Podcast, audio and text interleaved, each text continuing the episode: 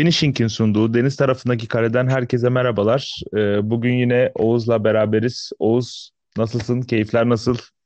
Valla e, şu an programı çektiğim saat itibariyle Fenerbahçe Hatayspor maçı biteli yaklaşık e, bir saat oldu ve moraller kötü tahmin edebileceğin gibi. E, önümüzdeki hafta derbi var. Derbi yorumlamak için sabırsızlıkla bekliyorum aslında. Ama genel olarak şeydi ya yine sıkıcı bir haftaydı diyebiliriz. Galatasaraylılar çok mutlu olmuştur bu hafta. En doğal hakları çok kıymetli bir galibiyet aldılar. Çok çok iyi oyun. İlk yeri tenzih ederek söylüyorum. İkinci çok iyi oynamadığı maçta çok kıymetli bir galibiyet aldı. Başakşehir deplasmanını da bu şekilde aradan çıkarmak çok iyi geldi bence Galatasaray. Evet istersen o zaman Başakşehir Galatasaray maçıyla devam edelim. Ee, hatta yani öyle başlayalım. Ondan sonra diğer takımlara da değinelim. En son Fenerbahçe'nin e, maçı işte bizim podcast çektiğimiz gün bitti.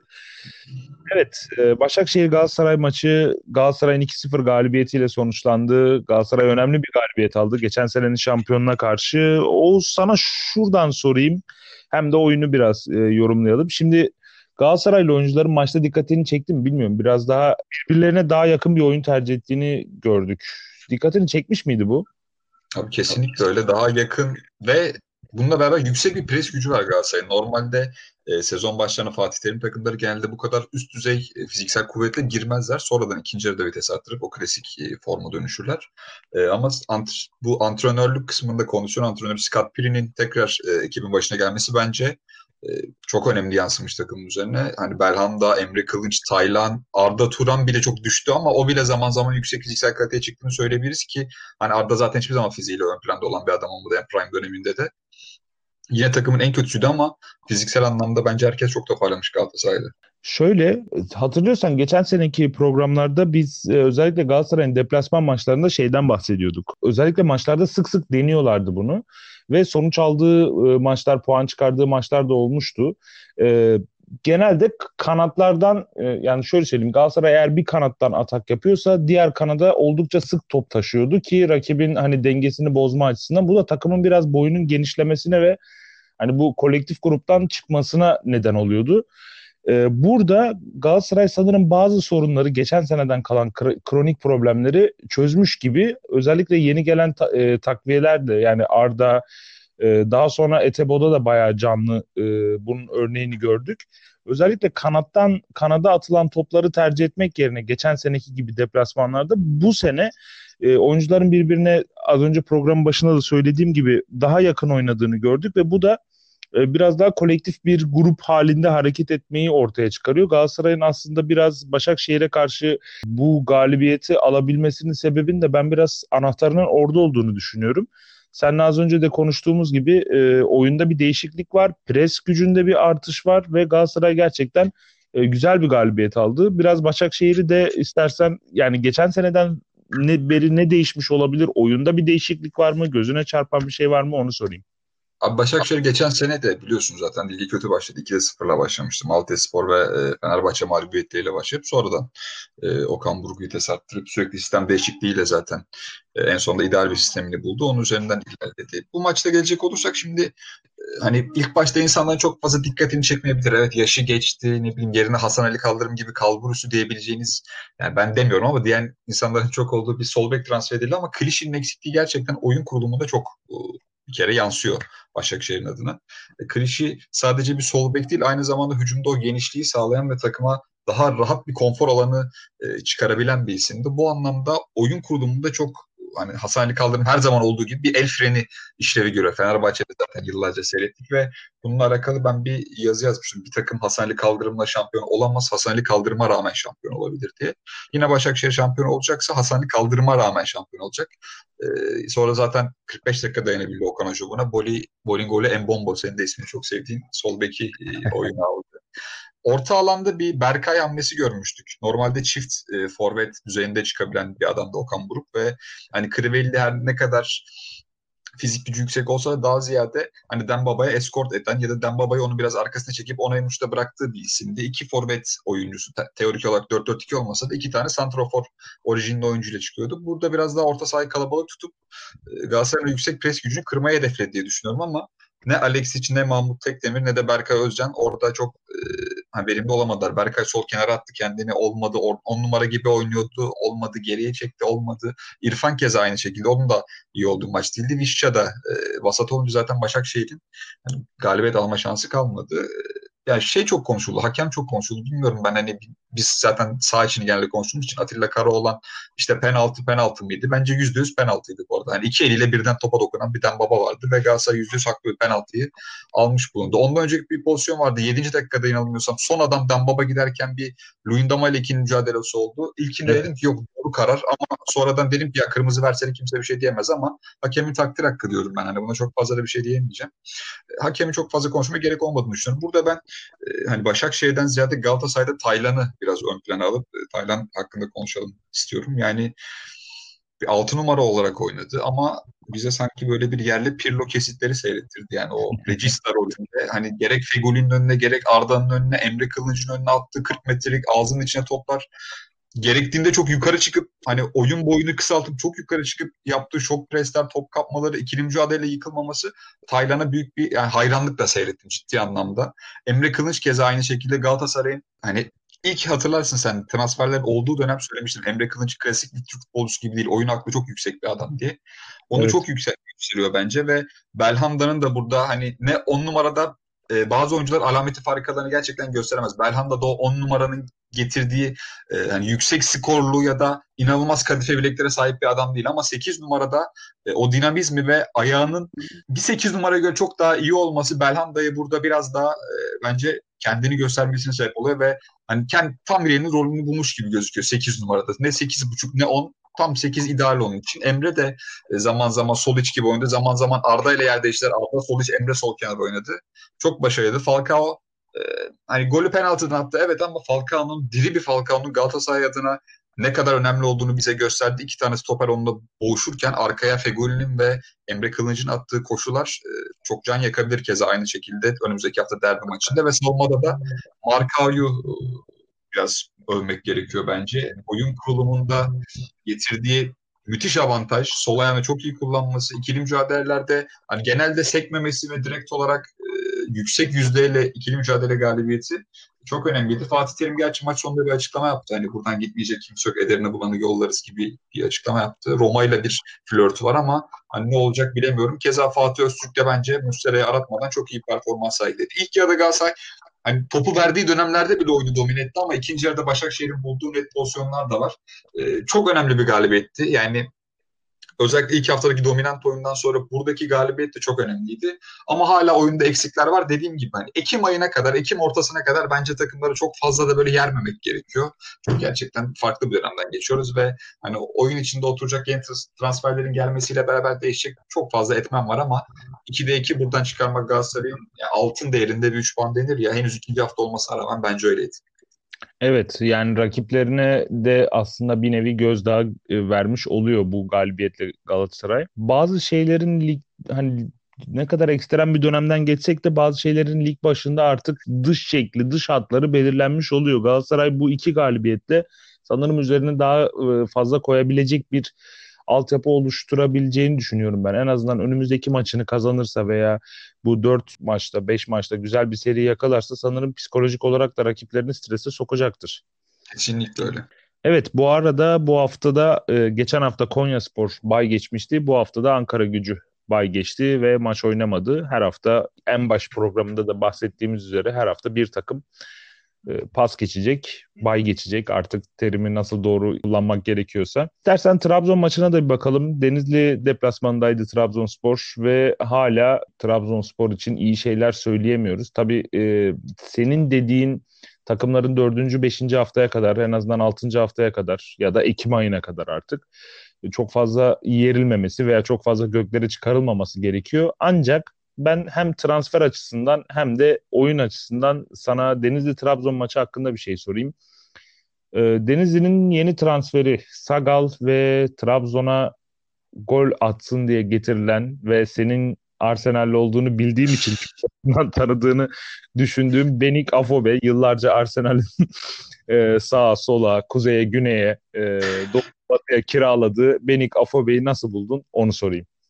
Ya ilk maçta şimdi hani çok fazla da yargılamak dediğim gibi çok e, doğru değil Afobe'yi ama fiziksel anlamda üst düzey bir oyuncu olduğunu ve Türkiye'de de fiziksel olarak e, kaliteli adamların fark yaratabildiğini biliyoruz. Ben hani ilk maçında çok kötü bulmadım açıkçası. Bir kere şöyle bir durum var. Sen de hani benim kadar iyi bir Arsenal'lisin ve e, Afobe'nin iki kere zaten çapraz bağlarından ameliyat geçirdiğini biliyorsun sen de. Ondan sonra hani bir bolcunun çok fazla geri dönüşü e, kolay olmuyor açıkçası ama hani Afobe gerçekten çok kaliteli bir oyuncu fiziği anlamıyla, fizik itibarıyla ve iki sene önce de yanılmıyorsam iki sene önce ya da bir buçuk sene önce kızını kaybettiği ve çok böyle yani gidişli çıkışı, böyle inişli çıkışı dönemler geçirdi. Çok çok zor bir durum. Evet, bu arada ee, sözünü, kes, sözünü kestim de Beni Kafobe de gerçekten Arsene Wenger'in çok e, umutlu olduğu bir oyuncuydu. Yani Ars e, Arsenal'in birçok bu, bu tarz gençleri oldu. Hani Gedeon Zelalem'dir, e, işte hatta Gnabry'dir. Şu an Bayern Münih'te oynamak e, yani sürekli oynayan ve harikalar yaratan Gnabry'den bahsediyoruz. Benik Afobe, işte Zelalem, Akpom, Afobe gibi oyuncular Arsenal altyapısından çıktılar ancak işte e, Afobe'ye özellikle Arsene Wenger'in çok üzerinde durduğu, onu sürekli mental olarak e, yanında bulunduğu, desteklediğini biliyoruz. Bu yüzden Arsene Wenger tedrisatından da aslında geçmiş bir oyuncu. Tabii senin dediğin saha dışı etkenler ve sakatlık problemleri biraz e, yolunun Türkiye'ye düşmesini sağladı desek yanlış olmaz herhalde. Yani tabii ki ve 40 milyon euro neredeyse bu adamın totalde bonservisine para verildi. Yani Wolverhampton tarafından, Bournemouth tarafından çok fazla sen de biliyorsun zaten Premier Lig'de çok konuşup takip ettiğimiz için neredeyse 40 milyon euroya yakın bir e, şey var. Arada bir de stok dönemi var hatta. Bonservis verildi. Dolayısıyla ya iş yapacaktır mutlaka. Seninle konuştuğumuzda bir e, Sagal'dan bahsetmiştim sana. Bu hafta kötü oynadı gerçi Sagal ama Sagal'la beraber bir de e, Novikovas Erzurumspor'da bu adamları iyi seyretti söylemiştim sana hafta içi. Novikovas evet. golle attı hatta. Sagal'ın ben ileride çok iş yapacağını düşünüyorum bu arada. Bu maçta çok kötüydü o ayrı. Hani e, çok iyi bir bence fırsat, trans, fırsat transferiydi e, Denizli Spor açısından. İle en uçta da yapabilirsiniz. Rodayega'nın fiziksel anlamda kötü olduğunu düşündüğünüz anlarda. Sol kenarda da çok iyi iş yapabilir ve o topsuz oyunda çok sırıtmayan bir adam. Sagal iyi izlenmeli. Trabzonspor'a gelecek olursak yine bir puan kaybı var. Beşiktaş'a neredeyse hani varlık gösteremeden kaybettiği bir mücadeleden sonra 20 dakika 10 kişi oynayan Denizli Spor'a karşı da e, golü bulamadılar ve bir puanla sahada ayrıldılar. Eddie Newton'un yeni şeyler denediğini görüyoruz. Burada 3-5-2 çıktılar mücadele. Üçlü stoper attı. Kampi, Hüseyin Türkmen ve Edgar'le çıktılar ama Hüseyin Türkmen gerçekten çok sırıttı orada ve kendisi bilmiyorum ne düşünüyor ama Hüseyin Türkmen'in e, herhalde çok fazla da ben bundan sonra forma şansı bulabilmesini biraz mucizelere bağlıyorum. Değişikleri çok geç yaptı diye, düşünüyorum ben e, Eddie Newton. 85'e kadar hiç müdahale etmedi oyuna. 3-5-2'de e, olay tamamen Abdülkadir Ömür'ün önüne kalıyor. Hani e, Lewis Baker da alındı kez aynı şekilde. Onu da birazdan konuşuruz evet. bilmiyorum. Yeni transfer Premier Lig'den çıkma bir isim.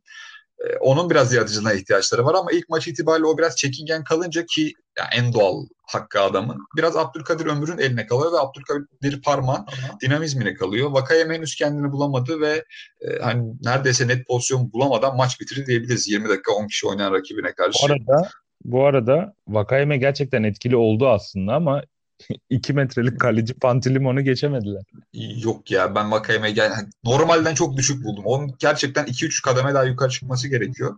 Denizli Spor biraz e, karşılama konusunda iyi işler yapmış. O ilk hafta Göztepe faciasından sonra basit hatalar yapmayıp takım karşılama konusunda bir tık üsteler ama hala ben savunmada çok fazla güven verdiklerini düşünmüyorum. Hani Bergdiş sol bek arkasına atılan her topun tehlike olabileceğini düşünüyorum. Keza Mustafa Yumlu ve Oğuz Yılmaz tandemi var. Mustafa Yumlu'nun olduğu bir tandem bilmiyorum ben düşünemiyorum yani çok düzeyde.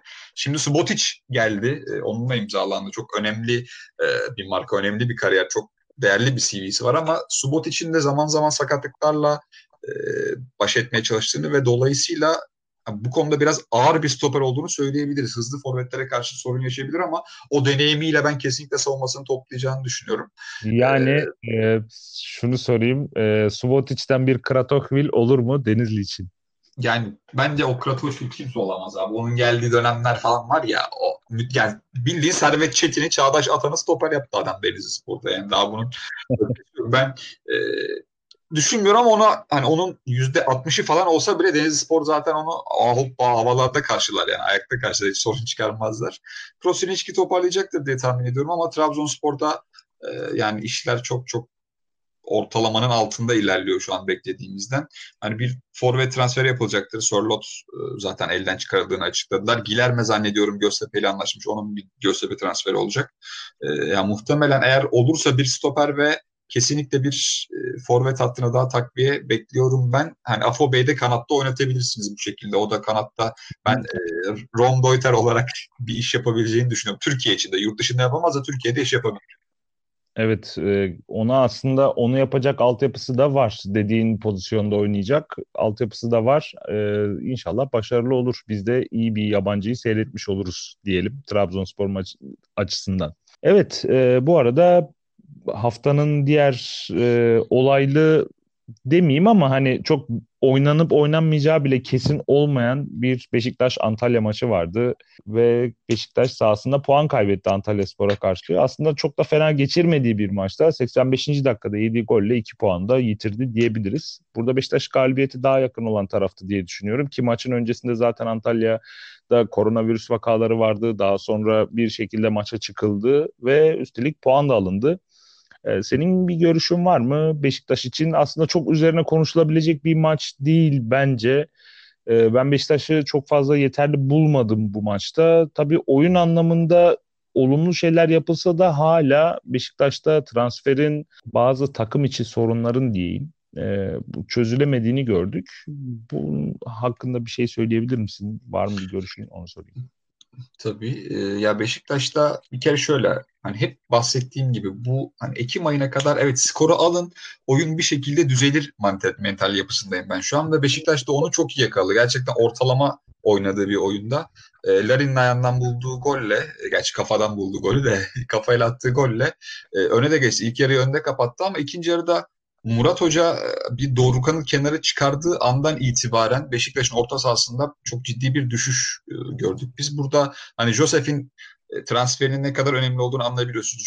Josef hani hem Dorukhan'ın yerine oynatıp 6 numaraya çekebileceğiniz Atiba'yı da biraz daha serbest 8 olarak oynatabileceğiniz bir alan sağlayabilir size. Hem de gerekirse Atiba'yı da dinlendirebilecek, yaşı ilerlemiş Atiba'yı da dinlendirebilecek bir e, hareket alanı sağlıyor. Ee, burada orta saha çok düştü ve şurada bir de Tamer Tunan kesinlikle ben e, çok çok iyi bir not verilmesi gerektiğini düşünüyorum. Regista pozisyonu Nuri Şahin'le başladı e, Tamer Hoca. İlk yarıda bu sistem işlemedi. Nuri'yi zaten hep biliyoruz. Çok iyi bir fiziksel düzeye sahip olmasa da ayağı çok iyi, oyun zekası yüksek ve inanılmaz iyi pasör olarak biliriz.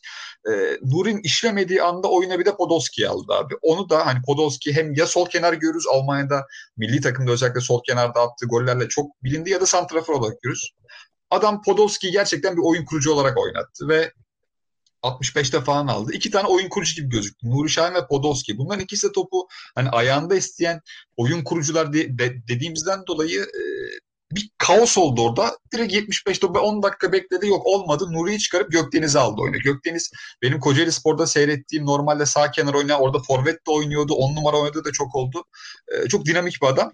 Böylelikle hem bir oyun kurucudan vazgeçmemiş oldu. Elinde bir tane çok iyi pasör Podolski kaldı. Hem de ileride bir kişi fazlalaştı Gökdeniz'le beraber. Nitekim de e, bu Gökdeniz'in attığı gol Podolski'nin kaptığı e, top sonrasında Freddy'ye bıraktı. Freddy'nin attığı ara topuyla geldi. Çok e, klas bir golle 18 yaşındaki Gökdeniz de zannediyorum e, hani o gol attığı gece uyuyamamıştır mutluluktan diye tahmin ediyorum. U19 takımımızın da oyuncusu. Gelecekte e, hani ne yapar bilinmez ama şu ana kadar çok olumlu sinyaller verdiğini söyleyebiliriz. Sol ayaklı ve e, topsuz alanda da fazla sırıtmayan bir adam. Burada ben bir puana Tamer Tuna'ya yazıyorum direkt olarak. Hani Beşikler'de geç kalmadı ve e, iki tane oyun kurucuyu zorlamayıp çok kaliteli bir ayak olmasına rağmen Nuri'yi çıkarıp genç bir oyuncu oyuna sürme cesareti e, gösterdi ve bence bir puana da kendisi aldı.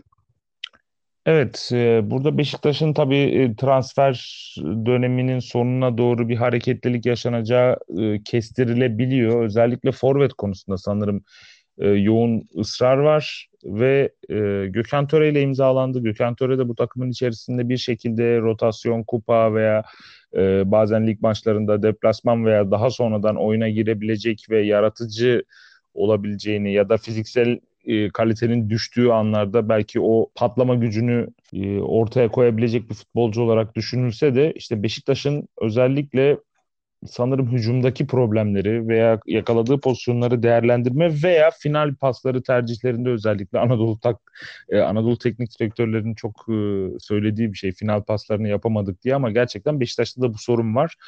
E, takımın özellikle tercihleri konusunda ciddi bir sıkıntı olduğu görülüyor. Sanırım Ekim ayına doğru işte senin dediğin o periyotta e, bunların düzelip düzelmemesine göre herhalde bu takımların da kaderi belli olacaktır diyoruz. Ve istersen bugün sonuçlanan yani podcast'ı çektiğimiz gün sonuçlanan Fenerbahçe Hatay Spor maçına geçelim. Fenerbahçe evinde Hatay Spor'a gol atamadı ve maç 0-0 sona erdi. Fenerbahçe'de bir takım sorunlar var. Ee, geçen haftaki Rize maçından sonra ve bu maçta da bazı şeylerin düzelmediğini ancak olumlu sinyaller de verdiğini söyleyebiliriz. Fenerbahçe bu sorunları nasıl çözer? Benim dikkatimi çeken bir şey var bu arada Oğuz. Katılacak mısın bilmiyorum sana onu sorayım. Şimdi e, Fenerbahçe'de defansın önünde oyun kurmak mesela 57. dakikada Fenerbahçe niye gol atamıyor ya da 61. dakikada veya 28. 30. dakikada neden gol atamıyor da işte son 15 dakikada ya da 5 dakikada 10 dakikada bu tempoyu yükseltmek ve daha fazla risk almak zorunda kalıyor. Normal oyunla bir Hatay Spor'u yenemez miydiniz diye düşünürken aklıma şu geldi. Şimdi Fenerbahçe'nin 57. dakikada veya 61. dakikada gol atamama sebebini ben az çok şu açıdan değerlendirdim. Şimdi Fenerbahçe'de defansın önünde hep oyunu kurmaya çalışan ve stoperlerin de bazen gerisinde kalarak oyunu kurmaya çalışan Luis Gustavo ve Sosa var. Şimdi bu iki ayak çok kaliteli olmasına rağmen sanırım ileri çıkışlarda bağlantı yani şöyle orta sahanın beşlisinde Sosa ve Gustavo'nun önündeki üç kişiyle ve Forvet'in e, bağlantısıyla alakalı cidden bir sıkıntı var ve Fenerbahçe topu çıkarırken iki tane gerçekten ve gerçekten uzun pas, kısa pas, her türlü pas opsiyonlarını görebilen, yaratabilen, vizyonu olan, görüş açısı gerçekten iyi olan oyuncusu olmasına rağmen bu çıkışları orta sahadan gelen destek veya defans oyuncuların da bu e, oyun kurulumuna yardım etmemesinden dolayı gerçekleştiremiyor. Bilmem katılır mısın? Abi Fenerbahçe'nin o hani uzun pasa yöneleceği oyunlar da gelecektir, maçlar da gelecektir ama burada çok çok ciddi sorunlar var. Ee, yani üç tane defansif özelliği daha, hadi Ozan'a biraz daha eşit bakabiliriz ama üç tane defansif özelliği ön planda olan orta saha kurgusuyla Hatay Spor'a çıkmak bence hani ilk etapta çok büyük bir e, taktiksel yanlıştı ki Erol Hoca'yı e, takımları tanıma bağlamında ve takıma göre taktik hazırlama, buna adapte olma bağlamında en önemli adamlardan biri olarak söylüyoruz zaten beraber ama e, burada kötü bir başlangıç yaptı. Yani evet Hatay Spor geçen hafta sürpriz bir galibiyet aldı ama nasıl galibiyet aldığını zaten biz biliyoruz. Ha, hurra şeklinde saldırmasını kimse, kimse de beklemiyordu ya da bahsettiğim gibi çok üst düzey bir oyun beklentisi yoktu kimseden ama ya ikinci yarıda yine e, Sosa'yı aldığını oynatan 45 madem çıkarabiliyor bu adam neden oynamadı? Ya da e, hani Mert Hakan 45 çıkarabiliyor neden oynamadı? Ki Mert Hakan girdikten sonra hareketlik oldu. Burada maç 0-0 bitti ama e, şunu da atlamamak gerekiyor. 74. dakikada 10 kişi kaldı Hatay Spor, 81'de 9 kişi kaldı. Yani total neredeyse 5 dakikada uzatmayı görürsek e, hani 20 dakikanın e, ilk 7 dakikasını falan 10 kişi ondan sonraki 13 dakika 9 kişi oynadı takım ve bu takıma karşı pozisyona dahi giremedi. Yani son dakikada olan e, yanılmıyorsam Sinan Gümüş'ün bir pozisyonu vardı. O direğin dibinden dışarı çıkan pozisyon Sinan Gümüş olmuş. Ben orada sinirden duvarı yumrukladığım için çok fazla seyredemedim içeriği. Yani o olmasa pozisyonun yok maç içerisinde. Yani inanılır gibi değil. Erol Hoca'nın burada birkaç yanlışı oldu. Hani Evet rakip 9 kişi kaldı. Olay artık yavaş yavaş böyle biraz da doldur boşalta gelecekken takımın belki de ligin en iyi orta açan adamı Caner Erkin çıkarıp ne idüğü belirsiz ben artık hani kendisini tanımlamak için sıfat kullanmayacağım. Bir buçuk senedir tek savunan bendim herhalde ama beni bile kaybetmeye başladı. Deniz Türücü oyunu almak taktiksel bir hataydı bu bağlamda. Ee, hani Novak biraz daha böyle üçlü bir savunmaya dönüp stoperlerden birini ya da beklerden birini çıkarıp e, ileriye Frey'i de atabiliriz ki Frey geçen hafta bence takımın en iyisinin, en iyilerinden bir tanesiydi. Bunu da zaten konuşmuş geçtiğimiz podcast üzerinden. Frey hiç düşünülmedi ve e, hani orta alandaki o stabil hal kaldı. Hatay Spor'u yürekten kutluyorum. Ömer Hoca'yı yürekten kutluyorum. Ne 10 kişi kaldıklarında ne 9 kişi kaldıklarında bir saniye bile oyun disiplinden kopmadılar ve inanılmaz iyi alan savunması yaptılar. Yani hem kanadı top neredeyse o kanadı kapatıp diğer kanattaki adamları da oraya yaklaştırıp takım boyunu iyice kısaltıp müthiş bir alan daraltması yaptılar. Geçen seneki Alanya Spor e, gibi, Erol Bulut Alanya Spor gibi harika yaptılar ki ben burada Erol Hoca'ya güveniyordum. Yani kendinin en iyi yaptığı taktiklerden birine karşı Panzehir'de kendisi bulurdu ama burada sınıfta kaldı ve oyun olarak çok kötüydü. Şimdi önümüzdeki hafta bir derbi var. Ee, bakalım derbiye forvet yetişecek mi, yetişmeyecek mi ya da orta olan kurgusunu nasıl kuracak? Şimdi ben derbide iki senaryo görüyorum. Bunu e, hemen söyleyeyim direkt olarak. Birinci senaryo eğer Fenerbahçe bu şekilde oynarsa Galatasaray gerçekten tarumar eder Fenerbahçe'yi. Hani ilk yarıda 3'e gidip sonra iyice yukarıda çıkabilir. İkinci senaryo Erol Hoca topu bırakıp kontrol üzerinden özellikle bugün berbat oynayan Mamet Yam'ın o açık alanlarıyla ya da Valencia bugün yine fena değildi ama o açık alanda daha etkili olacaktır. Onun kovaladığı e, pozisyonlar üzerinden beraberlik bile yetmez ama galibiyet alırsa eğer forvet transferiyle beraber tekrar şaha kalkar. İki senaryon bu. Ee, yani bir Fenerbahçe olarak tabii ki ikincisinin olmasını ümit ediyorum ama e, burada biraz Erol Hoca'nın tercihine kalmış durumda. Alanya Spor'da favori olmadığı maçlarda gerek Kadıköy'de Fenerbahçe maçı gerek e, arenadaki Galatasaray maçlarını çok iyi hatırlarız zaten bunlarda. Oyunu çok iyi kapatıp e, direkt olarak sonuca giden harika bir yapısı vardı Alanya Spor'un. Bunları yapabiliriz. Kendisi zaten zaman zaman topu vereceğiz dedi. Muhtemelen o da vereceği toplardan e, biri olacak. Maçlardan biri olacak maçta. E, ya burada biraz sabırlı olmak gerekiyor Fenerbahçe taraftarısından. Hani ben de o sabrı kendi içinde gösteremiyorum diyorum ya duvarlarımı yumrukluyorum. Yani maç seyredemiyorum düzgün bir şekilde. E, ama biraz sabırlı olmak gerekiyor. Stoper hattına e, hani Lemos'u ben beğendim. Biraz daha böyle çelimsiz bir Bruno Alves e, izlenimi verdi bana. O hoşuma gitti. O sertliğe ihtiyacımız vardı bizim. E, Zanka da fena değildi bu maçta bu arada. Stoper hattına yine bir şey diyemeyeceğim. Zaten Hatay Spor'un şutu yoktu maç üzerinde. Sıfır şutla ben herhalde en son ne zaman e, maç seyrettim bilmiyorum. Muhtemelen bir 5-6 seneden fazla olmuştur. Sıfır maçla biten, e, sıfır, sıfır şutla biten bir maç. E, savunmada problem yoktu ama hücumdaki o yaratıcılığı nasıl çözecek? Bu büyük bir muamma. Bir tane kesinlikle ve kesinlikle zaten hani yönetimin en büyük hatası bu. Neredeyse bir aydır Vedat'ın gideceği belliyken oraya bir santrafor almayıp e, hala böyle hani, rotasyon oyuncuları üzerinden gitmek hataydı. Bir de mümkünse eğer e, skorer bir kanat oyuncusu bulursa hani ben Fenerbahçe için NCAA o karatmaya e, gerek yok diyorum. Çünkü daha 38 hafta var ligin bitimine ve çok fazla kırılma maçları, ölüm kalım maçları oynanacak. Çok berbat bir oyundu. Gerçekten onun üzerinden bir bile vermemek gerekiyor bence bu oyunu ama e, çok fazla rense katmamak gerekiyor dediğim gibi. E, hani Mert Hakan'ın maç temposu kazanmasıyla Sosa'nın ilk 11'e yerleşmesiyle biraz daha toparlayacaktır diye tahmin ediyorum ve e, ümit ediyorum.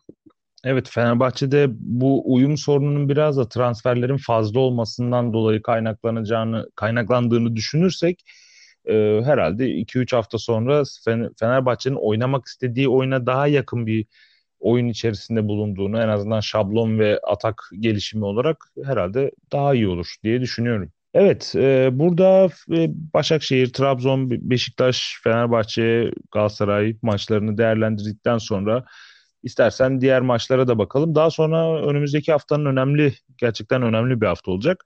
E, önemli maçlarını konuşuruz. E, benim dikkatimi çeken şurada Gençler Birliği Konya maçıyla alakalı 0-0 biten bir maçtı. Yine e, Fenerbahçe Hatay Spor maçı gibi ama e, Gençler Birliği'ni hatırlıyorsan geçen senenin ortalarına doğru biz bu programa ilk başladığımız zamanlarda oldukça dinamik bir takım görüntüsü. Tabii o zamanlardan bu yana çok değişti. E, takımlar, şartlar, oyuncular, teknik direktörler diyebiliriz. O zaman çok dinamik bir takım gör, görüntüsü veriyordu ama Gençler Birliği'nde ee, yani sahaya çıkan kadroya baktığımız zaman böyle 1-2 oyuncuyu saymazsak gerçekten yaş ortalaması neredeyse 30-31 olan e, hem Gençler Birliği için hem de Konya için bunu söyleyebiliyoruz. Bir maç izledik. Yani Gençler Birliği geçen sene e, az önce söyledim yani pandemi öncesinde oldukça enerji ve enerjik ve dinamik bir takım görüntüsü veriyordu. Ancak şu anki kadrosuna bakınca tempo yapmakta özellikle ve oyunda yer yer baskı yapmakta zorlanacaklar gibi duruyor. Bunun bir çözümü var mıdır sence Gençler Birliği açısından? Kısaca değerlendirelim istersen. Diğer maçlara da zamanımız kalsın. Tabii yani Nobre'nin ilk teknik direktörlük deneyimi ve biraz orta saha üzerinde çalışması gerektiğini düşünüyorum. Ben hani Sefa e, orta sahada oynuyor. Soner'i ben beğeniyorum ama Soner'in de yeterli olduğunu düşünmüyorum. Damot da var. Damot'tan yanına biraz Berat Özdemir çekilirse ve e, ileri uçta yani forvet arkasına bilmiyorum Kanda yaşı çekip orada farklı bir opsiyon denenebilir. Hamza Hoca bunu çok iyi yapıyordu geçen sene. Aite'yi de çok e, iyi oraya monte etmişti. Sion'un çok üst düzey performans olduğunu göstermiştik. Stanku belki gizli forvet gibi olup Sio'yu ileri ucu atabilir. Biraz Nobre'nin denemesi gerekiyor. Kadrosu gerçekten iyi değil Gençler Birliği'nin ama yani denemelerle de ben aşılmayacak bir sorun olduğunu düşünüyorum. Çünkü Nordfeld, Diego Angelo ve e, Zargo Ture üçgeni savunmadaki kaleci ve iki stoper e, üçgeni bana sağlam gibi geliyor. Bunun üzerinde biraz daha böyle bekleyip e, daha hızlı oyuna çıkan Gençler Birliği düşünüyorum ben yapılabilir. Evet, e, yani gençler benim benim bahsettiğim bu arada yani Diego'da, Toure'de e, artık hani tecrübeli diyoruz ama yani Diego'nun mesela eskiden de yani bundan 5-6 sene önce işte Eskişehir'de oynarken dahi ağır bir futbolcu olduğunu, ayağının düzgün olduğundan dolayı biliyorduk. Yani ama ağır bir futbolcuydu her zaman. Doğru. 35 yaşında evet. bile artık zaten onda yavaş yavaş kariyer sonu geliyor. Zargoturo 30 yaşında, Sio 31 yaşında, Stanko 87 33 yaşında, Kandayaş 31-32 yaşlarında. Yani yüksek o orta alandaki üçgen biraz daha dediğim gibi dinamik Berat Özdemir evet, mesela benim evet. beğendiğim isim. Dinamik kurulursa biraz denge sağlanabilir gibi geliyor. Evet, e, Alanya Spor'da bu arada Kayseri Spor'u 2-0 yendi. Barrera'nın iki golü vardı. E, senin er, Erol Bulut Alanya Spor Alanya Spor'undan Çağdaş Atan Alanya Spor'una geçişte fark ettiğim bir şey var mı? Alanya Spor kazanmaya devam ediyor. Güzel sonuçlar alıyor. Şunu ben hala görüyorum Alanya Spor'da. Geçen sene Efe Canlı, işte Papi Sisseli ataklarda böyle oldukça çok kişiyle hücum yaptıklarını görüyorduk. Bu hücumlara devam ediyorlar yani maçlarda da özellikle hücumda çok rahat çoğalabildiğini gördük. Pas tercihleri gayet iyi durumda. Transferler cidden hani o hem teknik direktör değişikliği hem de bazı oyuncularının gitmesinden sonra yerine gelen oyuncuları çok fazla sırıtmaması Alanya Spor için olumlu göründü. Kayseri Spor açısından istersen e, sen de söyleyebilirsin. Değerlendireceğin bir şey var mı Alanya Spor'a karşı alınan mağlubiyetle alakalı? Ya basit hatalardan gol yediler. Bir tanesi Abdurrahman direkt olarak bireysel hata. Diğeri de zaten seken topu tamamladı. Alanya Spor açısından scouting başarısı diyebiliriz. Ee, yani çok önemli performanslar gösteren adamlarının e, yerini iyi doldurdular. Barreiro mesela aynı şekilde. Davidson'u ben geçen hafta söylemiştim. Hatta ondan önce söylemiştim. Geçen hafta tekrar gol de atmıştı kendisi. Kuma Babakar var ki bu takıma bir de Babakar gelecek. Barreiro gerçi şu an e, çok üstte ne zaman gireceğini bilmiyorum ama Babakar da girebilir. Bu takım e, zorlu bir takım olmaya açık açıkçası. Ama Çağdaş Hoca'nın ben değişikliklerde sadece geç kaldığını düşünüyorum. Tek e, soru işaretim bu. Yoksa takım hazırlama konusunda Erol Hoca'dan aldığı dersler belli. Yine ön alandaki kısmi presleri iyi yapan ve topun arkasına geçtiği zaman basit hata yapmayan bir ekip. E, ya biraz daha oyun içi hamlelerine çalışırsa Çağdaş Hoca e, yani kendisiyle görüşlerim bir tık daha yukarı çıkacak ama yani şu anlık dediğim gibi ben teknik direktörde biraz hani teknik direktörlük evet taktik, oyuncu yönetimi özellikle bu çok çok önemli ki Sir Alex Ferguson e, bence bunun en önemli örneklerinden bir tanesi. Ve e, adaptasyon meselesi, o değişiklik meselesi ya bunların şu ana kadar bence sadece birini yapabildi Çağdaş Hoca. Hani dolayısıyla rüştünü ispat etmek için e, biraz daha beklemek gerekiyor bence. Evet haftanın diğer maçlarından bahsedecek olursak Kasımpaşa Çaykur Rizespor'u 2-0 yendi ve e, geçen hafta bizim özellikle konuştuğumuz Vetrich, Boldrin, Bayano ve Abdullah Drak'ın uyumu Fenerbahçe karşısındaki bu maçta çok fazla etkili olamadıklarını gördük. Ki Kasımpaşa'da zaten yetenekli oyuncularıyla sonuca gitti. Ee, Erzurum Sivas Spor'a evinde kaybetti ve Gradel'den bahsetmek gerekiyor. Gerçekten güzel bir gol attı. Hatta Nevukovas'tan da bahsedebiliriz. Sen bunları söylüyordun zaten. Hani biz daha bu oyuncular başlamadan e, lige başlamadan iyi transferler olduğunu söylemiştik. Burada dinleyenler olmuştur mutlaka. Gradel'in mükemmel golü ve performansı ve Novikovas hakkında istersen konuşalım biraz. Ne diyorsun bunlarla ilgili? Abi Gradel ben ilk transfer olduğunda çok çok e, önemli bir transfer olduğunu ve bu sene flaşı olacağını söylemiştim. Nitekim yanıltmıyor. İlk maçta da iyi oynadı ama skor yansıtamamıştı. Burada da e, müthiş bir çalımla e, sonrasında kaleci de hatası var hafiften. Farnol'ün de bir minik hatası var ama müthiş bir vuruş yaptı. Novikovas da açık alanlarda e, sorun yaratabilecek potansiyel sahip. Litvanyalı zaten e, soğukkanlığı üst düzeyde olan ve ters yine solak bir isim. Yani lige çok ters yani savunma arasında yapacağı koşularda e, etkili olacaktır. Bir tane golü offside sebebiyle verilmedi. Bir tane de gerçekten düzgün vuruşla e, golünü kaydetmişti bu arada. E, kafayla atmıştı golü de ben Gradel'in daha çok can yakacağını düşünüyorum. Gerçekten sakatlıklar onu biraz geriye getirse de ya zaten sakatlık yaşamasa onu da çok fazla buraya uğrayacağını düşünmüyorum. En kötü ihtimalle Fransa'da devam ederdi kendisi. E, oyunu ve takımı sahiplenmesi çok önemliydi. Sadece Rıza Hoca yine hamlelerini burada söyleyebiliriz. Orada çok e, yerinde müdahalelerle, hücum değişiklikleriyle 1-0 geriye düştüğü maçta Erzurumspor'u e, mağlup etti. Gradel'le birlikte Faysal e, Fahr, Fahir galiba ya da nasıl okunuyorsa Fajr diye e, yani Kendisi şey Tunuslu bir arkadaşımız ama hani ismin nasıl olduğunu bilmiyorum. Onun da çok faydalı olacağını direkt olarak söyleyebiliriz. Bu arada o şey e, Arap transliterasyonunda, Arapça transliterasyonunda C diye okunuyor C'ler. Facr oluyor sanırım. Facr. Evet. Sen bu konuda benden çok daha üst düzeysin abi. Dili evet. bilimciye en doğru yerde sorması gereken yani. evet. Yani biz daha e, Fenerbahçe'de oynayan beş şanslı gibi isimleri de doğru telaffuz ediyorduk zamanında ama tabii kıymetimiz bilinmedi. Bir de şey ya El Kebir. O El Kabir evet. deniyordu ilk başta. Kebir'e dönüştü sonradan. Yo, ama doğrusu odur yani bizde e, şey evet. e, Arapçada özellikle A'ların pek çoğu Türkçe'ye E olarak çevrildiği için El Kebir olduğu yani söyle, söylenişi doğru tabii. Neyse geyiği bırakalım artık. e, Gaziantep Karagümrük maçı vardı. Geçen hafta da e, Oğuz'un zaten çok yakın hissettiği bir takım Karagümrük. Ligin eğlenceli takımlarından biri olacağını söylemiştik. Bir bahis e, şeyi gibi oldu böyle iddiaya yardımcı bir yorum gibi oldu. Hani üst oynayın der gibi ama gerçekten de Karagümrük maçları böyle geçecek gibi görünüyor. Hem defansta hem de ofansta cidden hani tek söyleyebileceğim şey eğlenceli bir takım oldukları. Gerçekten bu yeni biraz da amatör ruhlu görünüşleri e, oldukça ki oldukça profesyonel oyunculardan oluşuyor yani tecrübeli isimlerden de oluşuyor takım ama gayet keyif veriyor izlemesi. Karagümrük'ü de bu sene zevkle izliyor olacağız. Yani haftanın maçları bu şekildeydi diyebiliriz. Ee, ben sana özellikle önümüzdeki haftaki oynanacak olan önemli bir maç var. Galatasaray-Fenerbahçe maçı. Bu maçla ilgili istersen konuşup programı öyle kapatalım. Galatasaray evinde Fenerbahçe'yi ağırlayacak. Senin görüşlerin nedir Galatasaray-Fenerbahçe maçıyla alakalı ve nasıl bir maç geçeceğini düşünüyorsun? Son yıllarda özellikle sıkıcı derbileri gördükten sonra son maç hariç ya tabii e, Kadıköy'deki bu serinin bozulduğu maç hariç genelde sıkıcı ve golsüz geçen maçlar oluyordu. Galatasaray cephesinden bakarsak kendi bu e, Kadıköy'de zaten yenileceğiz e, şeyini, e, korkusunu veya çekincesini artık bırakmış durumda ki kendi evinde zaten oldukça iyi sonuçlar alıyordu Galatasaray Fenerbahçe'ye karşı. Fenerbahçe'nin ise e, bir camia olarak zaten bu stresin de üzerinden kalktığını yani Kadıköy'de oynamasa bile bu stresin artık üzerinden kalktığını ve sanırım biraz daha açık oynayabileceğini düşünüyorum. Sen aynı şekilde düşünüyor musun ya da ne düşünüyorsun onu sorayım.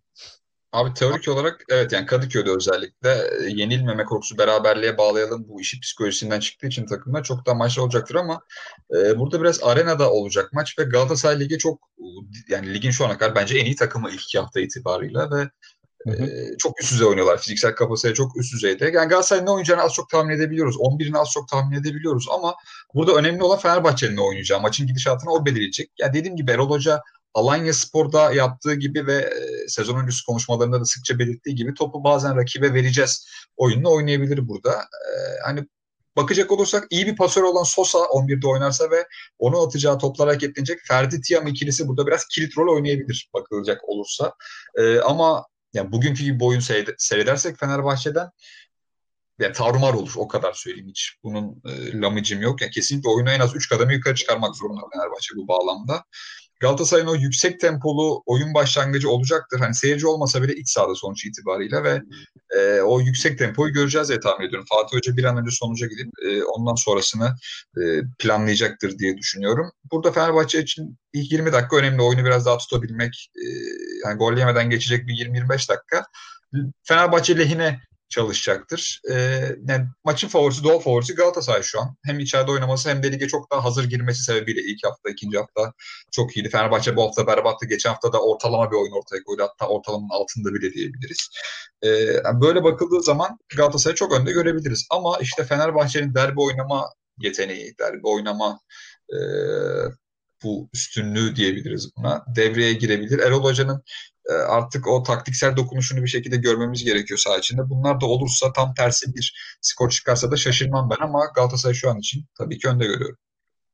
Evet, istersen geleneksel derbi tahmin yarışmamızı da yapalım. Geçen sene Salih de e, katılmıştı ve enteresan tahminlerde bulunup bazen yatmış, bazen e, tutturmuştuk. İstersen e, bununla programı kapatalım. E, Galatasaray-Fenerbahçe maçı için skor tahminini alayım Oğuz. Ya ben Erol Hoca'nın taktisyenliğine güvenmek istiyorum artık. Çünkü bugün gerçekten e, sınıfta kaldı o bahsettiğim Caner Erkin hamlesiyle, Novak hamlesiyle yani iyi bir ortacı çıkarıp daha ziyade e, arkada ekte kafa vuran bir sol bek almasıyla sınıfta kaldı diyebiliriz taktiksel anlamda. Ona güvenip ben 1-1 diyeceğim. Hani e, bir tane ip bir tane at 1-1 biteceğini düşünüyorum. E, tam bu biraz da şey var tabii ki. E, hani hem bunun e, Fenerbahçe olmamla da alakası var. Hem de gerçekten derbi oynama e, üstünü hafife almamak gerekiyor. Hani favori Galatasaray ama içimden geçen skor 1-1. Biraz da 6. üzerinden konuşacağım. Bilmiyorum sen ne diyeceksin? Evet maçla ilgili kehanet de alayım. Sonra ben de aynı şeyleri söyleyeceğim. Ya maçla ilgili kehanet. Fenerbahçe sürpriz bir golle öne geçer. E, Galatasaray 65. dakikada skor eşitler ve e, sonrasında yine Galatasaray akınlarını seyreder sağlı sollu ama maç 1-1 sona erer diyorum ben. Tamamdır. Kehanetini not aldık. Ee, ben de tarihe bir not düşeyim. Galatasaray-Fenerbahçe maçı Galatasaray'ın 3-0'lık üstünlüğüyle kapanır. Bu skor tahminim olsun. Maçla ilgili kehanetim de Fenerbahçe 9 kişi kalır. Aa, bu benim aslında vardı kafamda. Özellikle ortası hani Belhanda'nın biraz daha 8 numara gibi oynamasıyla beraber Belhanda, Gustavo ya da Belhanda'nın ya Belhanda zaten sağ içinde pis bir adam. Gustavo da aynı şekilde. O da çaktırmadan yapar bu işler ama o da pis bir adamdır. Yani şey bir adam değildir öyle. Masum bir adam değildir. Oradan gelebilir. Tabii ki saatli bomba Caner Erkin de bu derbilerde atlamamak gerekiyor bence. Oynarsa Serdar Aziz kez aynı şekilde bir saatli bomba. Markao aynı şekilde saatli bomba. Saatli bomba çok. Yani burada biraz yerliler daha plana çıkıyor zaman, ama o zaman bir dakika 9 kişi kalır demeyeyim. Ben bu maçta iki tane kırmızı kart çıkar diyeyim ya. Doğru. Şimdi Galatasaraylıları da düşününce kırmızı, iki kırmızı karta çeviriyorum ben bunu. İki takımda çok bomba var. Genelde yerlilerden görürüz bunu ama Belhanda da e, neredeyse artık içimizden biri gibi dediğim gibi. Gustavo zaten Brezilyalı futbolu e, ruhuyla oynayan bir adam. O da aynı şekilde o gerginliğe sahip. Olabilir yani bunlar bence de akla mantığa yatkın hamleler. Ben direkt olarak senaryo vereyim dedim. Evet gayet güzel oldu. Derbi hakkında tahminlerimizi ve kehanetlerimizi de yaptık. Ee, Deniz tarafındaki kalenin bu haftaki programında sonuna geldik. Bizi dinlediğiniz için herkese teşekkür ederiz. Oğuz ağzına sağlık senin de bu arada. Deniz tarafındaki kaleden herkese hoşça kalın diyoruz. Hoşça kalın. Hoşça.